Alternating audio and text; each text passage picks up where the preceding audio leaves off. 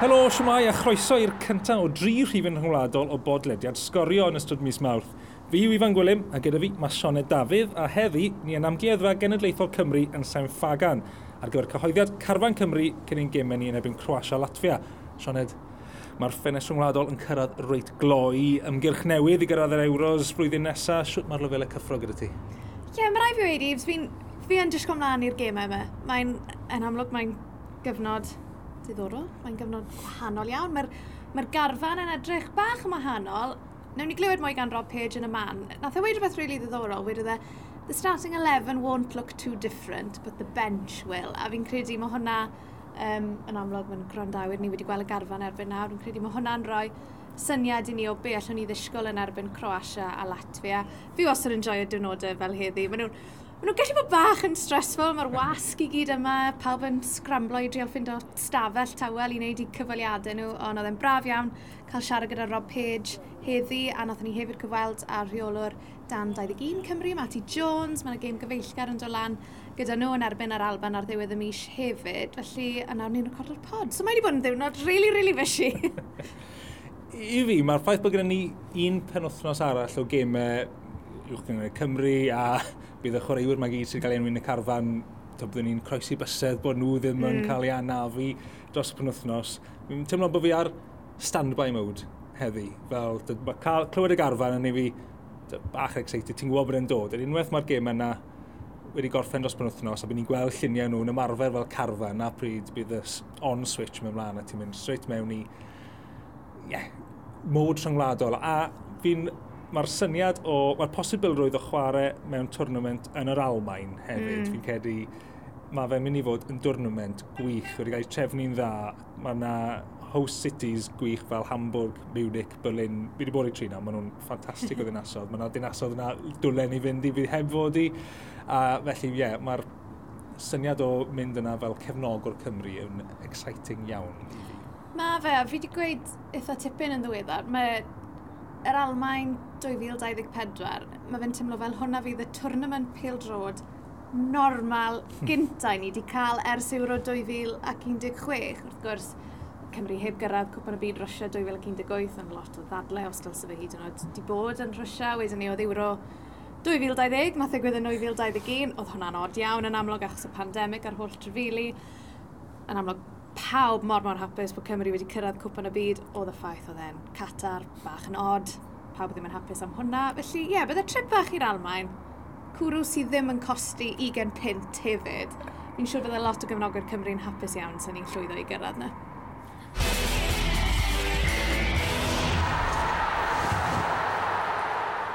Reit, cyn bod ni'n mynd mlaen i siarad am ti'r garfan, mae yna round-up bach o gemau'r penwthnos yn uwch gyngre'r Cymru, dyma'r penawdau. Mae'r seintiau newydd un gêm o ennill i'r uwch gyngred am y 15fed tro ar ôl cur o'r bala.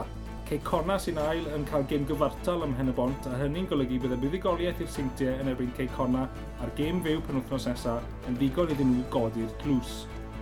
Canlyniadau'r penwthnos yn golygu bod pethau'n edrych yn ddi ar Aberystwyth sy'n awr 4 pwynt i ôl i bont y prif ac yn ymgartrefu yn safleoedd y cwmp.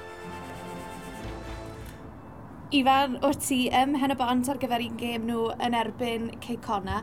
Mae'n na fi wedi yn y gwynt a'r glaw hefyd. Ond am y tywydd, siwr gêm oedd hi? Fi'n falch bod wedi dod drosodd ar yr uchaf bwyntiau pa mor awful. Effernol oedd y tywydd. glaw dros y lens a ti clywed dros uh, cyfweliad Rhys Griffiths. Y glaw jyst yn hamro yn erbyn y to. dros esau ni. Um, ie, yeah, eblaw mae ffaith bod yr amodau yn echrydus, Uh, oedd hi'n gêm reit da, a fi yn cytuno gyda be oedd Rhys Griffiths yn gweud, mae fe'n licio gweud we dominated.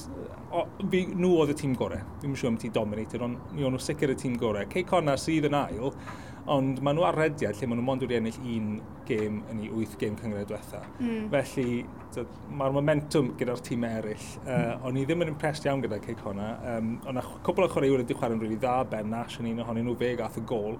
Um, ond y blawn ni, mi, mi oedd Pedro Bont yn dda iawn. A yr un peth ath roi sawn note, yn ath Lee Jones sôn am beth i fe yn ei gyfeiriad e hefyd, Chris Owens, mm. 90 munud, a mae fe newydd o nôl o anaf, oedd eb chwarae ers mis hydref yn credu, do nôl gath ddyn mlaen fel eilydd yn y gwpan wrth diwetha, a wedyn ni dath ymlaen yn yr ail hanner yn erbyn pen y bont a mynd lawr, a ddi ben glin y mas. Mm. A hmm. nath e, oedd e lawr am tua chwarter awr a oedd e'n am, wel, mewn poen mawr achos oedd e'n gweiddi y clywed edo unrhyw beth arall yn, yn y mm. car.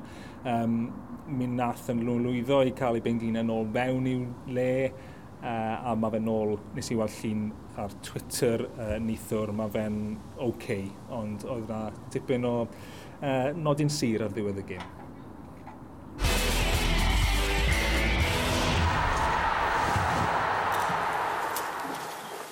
Um, Llawn da,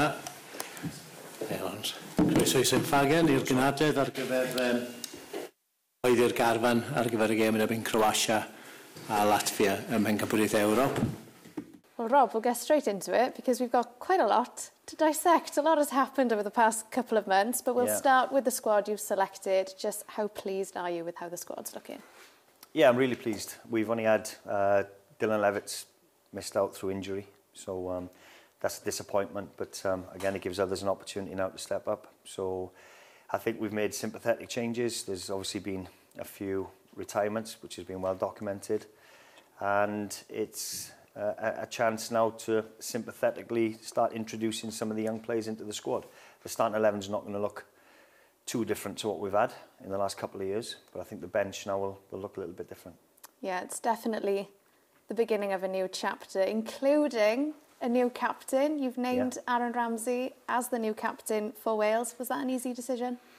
Yeah, I think so. Um, it was the obvious one because he's vice captain behind Gareth, and uh, and he's earned that right now to be to be captain and lead the boys. And I think he's got a really important role, Sean. And I do. I think he's he's got the young players coming in that are going to look up to him and and seen and watched like I have over the years his career unfold, and uh, and to now be training with him day in day out he'll show them the importance of what it means to be a Welsh player and, and what you need to do to, to have a career like he's had. Tell us about a bit about the moment you told him, because I guess it was a bit of a full circle moment, if you like, given that the captaincy was removed from him when he was a much younger yeah. player. What was his reaction? Yeah, and well, he was elated, first and foremost. He was absolutely elated and sent me a lovely message after saying how proud he was and, and, and on behalf of his family as well, which I can imagine, you know. Um, so it's a great honour for him. Um, yeah, and, and I think he's, he's really looking forward to it. That would have hurt him years and years ago. And it would have me if I'd have had the armband and, and then taken off me. So this is an opportunity now for him to go and put that right. And, um, and, and he will already. He's been on the phone and to the staff as well. And he's really involved with the planning and what goes on on camp. So he's, he's really embraced it. It's very much out with the old, in with the new, with some of the players you've selected for uncapped players, Rob. We'll start with Jordan James and Ollie Cooper because they, of course, travelled out with the yeah. squad to Qatar. What can they bring to this team? Yeah, so when I signed my contract last summer, I said that, yes, we're, of course, we're planning for a World Cup, but I've also got one eye on on the future and the next four years then and the next campaign for the, for the Euros. So to take those two young players away, there was a reason behind it, and that was to expose them to the environment. They trained day in, day out with a group of lads that I knew some were potentially going to step aside and, and they were going to have to step up then. So it was a worthwhile exercise and they'll have benefited from having, those, having had those camps with us. They're two great young players with bags of energy. And one thing we've learned from the World Cup is that to dine at the top table, you need energy from the first minute to, well, it was the 100th minute in, in the World Cup, wasn't it, with the extra time. So you've just got to compete at that level. Ollie Cooper, I've seen him a couple of times and he certainly gives you that and a great attitude. For one game at Swansea, he started wide left and finished right back. So that speaks volumes about his attitude. And, and on the ball, he's clever in finding those pockets of space and, and he's a constant threat. So he fits the bill for me. And, and JJ just got in the team at Birmingham. Um, I'm hoping he'll, he'll play a game this evening against Watford. So that will give him a boost coming into camp as well. But again, trains with personality, loves a tackle. He's got bags of, of energy. And one thing that we need is, is that energy going into these games. Someone who has got energy is Tom Bradshaw. February's Championship Player yeah. of the Month. He's been on fire for Millwall this season. I guess it's hard not to pick him, and, and he's back in the mix for Wales now. Absolutely. He's deserved that opportunity to come back in and, and represent his country. So I worked with Tom a few years ago uh, when he was under 21, so that's gone back a while. And I know him as a person. He's a great, great lad. And I, I know he lad value in the changing room, but not just that. When he's scoring that many goals, you know, he's the top scorer in the Championship since the World Cup. He's just got Player of the Month, and he's earned the right to be a part of it again. Nathan Broadhead, another uncapped player. Tell us a bit about him. What would you like to see from him in this campaign? Again, Broadie's one that I've worked with, with the under-21s, and his development's been frustrating for him because um, he stayed at Everton for a little bit longer than probably what you'd you'd want for a young player. That first loan is really important to get him out. It didn't quite go his way for whatever reason, injuries. I always knew there was a player in there. He's got, he's got pace, he's, got, he's a constant threat in behind, he's got an eye for goal, and he's playing really, really well for a team that's probably going to get promoted out of League One this season. So while he's in a rich vein of form again, it's, it's a no-brainer to involve him. We've got to mention, of course, the retirements that have happened. We've spoken to you since Bale announced his retired. Joe Allen, Chris Gunter, Johnny Williams have also made the decision. Has that been a difficult period for you and what conversations did you have with them? Yeah, it's they've, they've been four unbelievable servants for our country, haven't they? And, and they, we've got to acknowledge what they've done for us. And the success we've had in recent years has been largely because of them. Not only what they bring on the pitch, but off the pitch. And when you see them close knit together in the changing rooms and, and in the, the dining hall when they're eating together. And it's such a relaxed environment. And those four in particular, had a massive part to play in that. So um, they will be missed, of course. But, you know, I want to thank them for what they've done over the past. I had those conversations with them and, and thank them for everything they've given. But they completely understand as well. That they know there's, um, with evolution now, we've got to introduce the young players and, and, and they, they completely get it. And they want what's best for Wales, ultimately. Just quickly, Ruben Colwell has been mm. a constant with your squads. He's back within the under-21s setup now. Can you explain a bit the thinking behind that? Yeah, again, for whatever reason, Ruben's not played as many domestic minutes as he would have liked through injury, selection, for whatever reason. I still believe there's a player in there. I do. I think he's got everything. Um, and I'm not just going to write him off completely. So I've had a positive conversation with him, similar to what we did when Ryan was manager and I was with the under-21s. We sent Harry Wilson down for two games and he was the best trainer, he was the best player by a country mile. And I've had that conversation with Ruben. I want him to go down and those young lads that have just come into the under 21s now, I want them to see what it, what it needs to be part of our first team and why Ruben's been with the first team for the last two years. So um, he's got responsibility to do that. I'm not going to turn my back on him. Like I said, I want him to stay in the system with us. And at the right time, um, he'll be introduced back up with the first team. The squad, Rob, finally has got the big challenge of going out to Croatia for the first game of the campaign how are you feeling? Of course, yet to meet up with the squad, but are you happy with how everything's looking? Yeah, right really excited, Shauna. Really excited. It's a fresh start for us, you know. Um, absolutely, we've we've. I said it earlier, reset, reframe. You know, we're reframing by bringing some new staff in, some exciting new staff in. You know, Eric Ramsey's one of the best youth coaches, young coaches in British football at this moment in time, working at Man United. So um, there'll be a group of young lads coming in. So we needed that young coach to be back out there in an afternoon. There's going to be afternoon sessions, so that's going to change slightly. And we'll get the lads back on the grass in the afternoon working with Eric. Um, and Nick coming in from a sports science perspective as well um, is, is exactly what we, what we wanted to do. So we're pleased with the additions and um, yeah, we're, we're all excited about meeting up next week.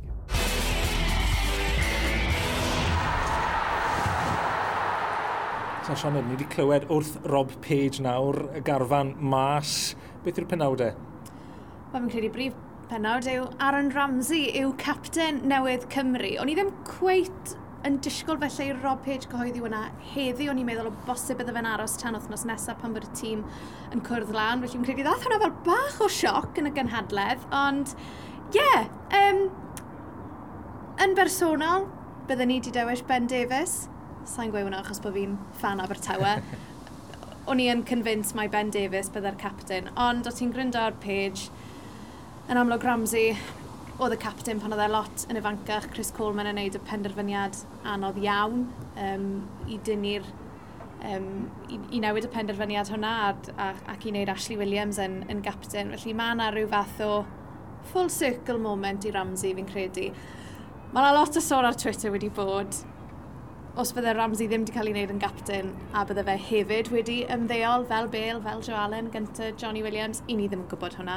Yn amlwg mae fe dal yn wario mas yn nis, gath y cwbl o funudau um, e, penwthnos diwetha. Felly, ie, yeah, beth i ti'n credu am y penderfyniad o ddewis Ramsey? O'n i'n rili really licio be wedi Rob Page am bit i'r ffaith bod e'n rhoi rhyw fath o ail gyfle i Ramsey mm. gael y captain a oedd e'n... Bron fel bod e'n bennu'r penod, os, os, os lygu di, oedd bach o unfinished business o bosib. Ie, yeah, yn union. A oedd e'n gweud fel rhywun sydd wedi bod yn gapten am lot o yrfa fe, oedd e'n gwybod faint bydde hwnna wedi brifo Aaron Ramsey i gael y capteniaeth wedi cymryd oddi wrtho fe. Mm. Felly fi credu o, o hwnna'n rhan mawr ond fe, a fi cytuno fi credu byddwn ni wedi mynd am Ben Davies, ond o'n i'n really licio, o'n i'n deall y penderfyniad yn lot gwell ar ôl clywed Rob Page yn siarad beth i fe. Mm. A, um, a oedd e'n gweud hefyd, Aaron Ramsey oedd yr is-captain yeah. o dan Bale, felly mae fe'n neud synwyr, mae fe'n rhan o'r ddilyniaeth yna.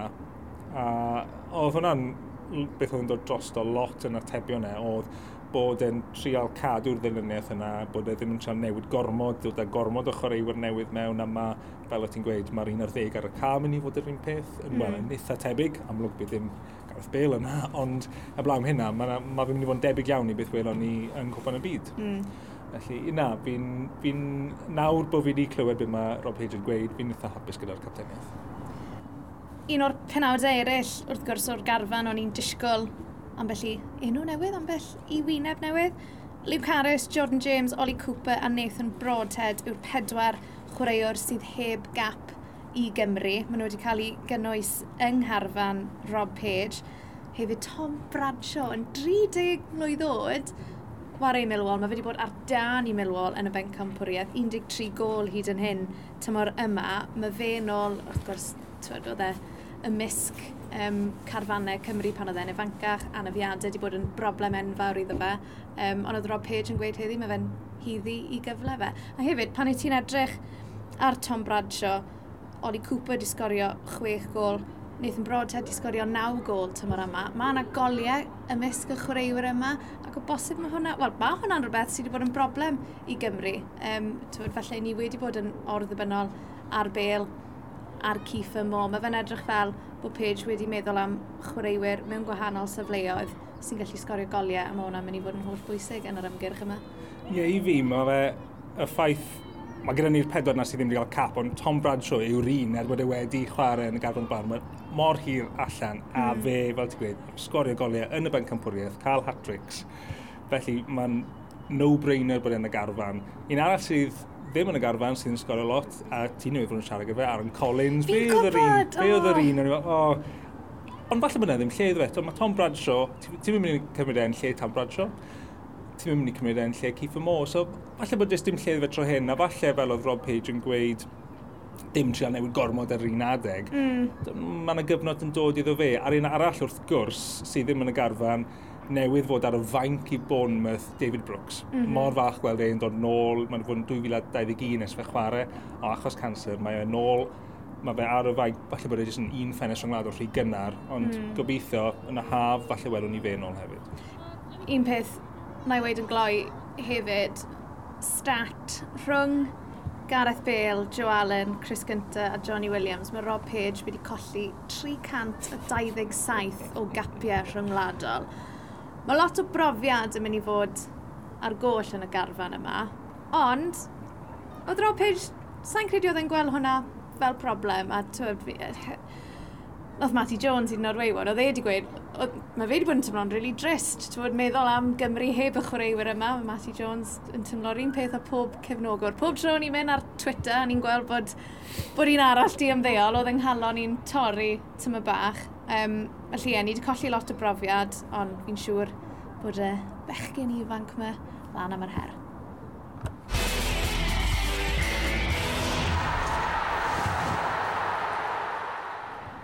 Ifan, mae'n gyfnod prysur i'r bechgyn rhyngwladol. Mae'n gyfnod prysur i sgorio hefyd. Hwn yw prif y stress level Sione Dafydd yn dieddol o fynd uh, yn eitha uchel, ond Ni wastad yn joio byw dilyn y tîm rhwngwladol. Wrth gwrs, beth sy'n digwydd dros y pethefnos nesaf? O ia, ar ben y ffaith bod gyda ni gemau uwch gyngor y Cymru'n parhau a y ffaith bod Cymru ec yn chwarae, so ni'n mynd fy mewn i hwnna, ond mae gyda ni y tîm cyntaf, tîm Rob Page. Maen nhw'n chwarae dwy gêm ar dechrau ymgyrch nhw i gyrraedd Euro 2024 yn yr Almain.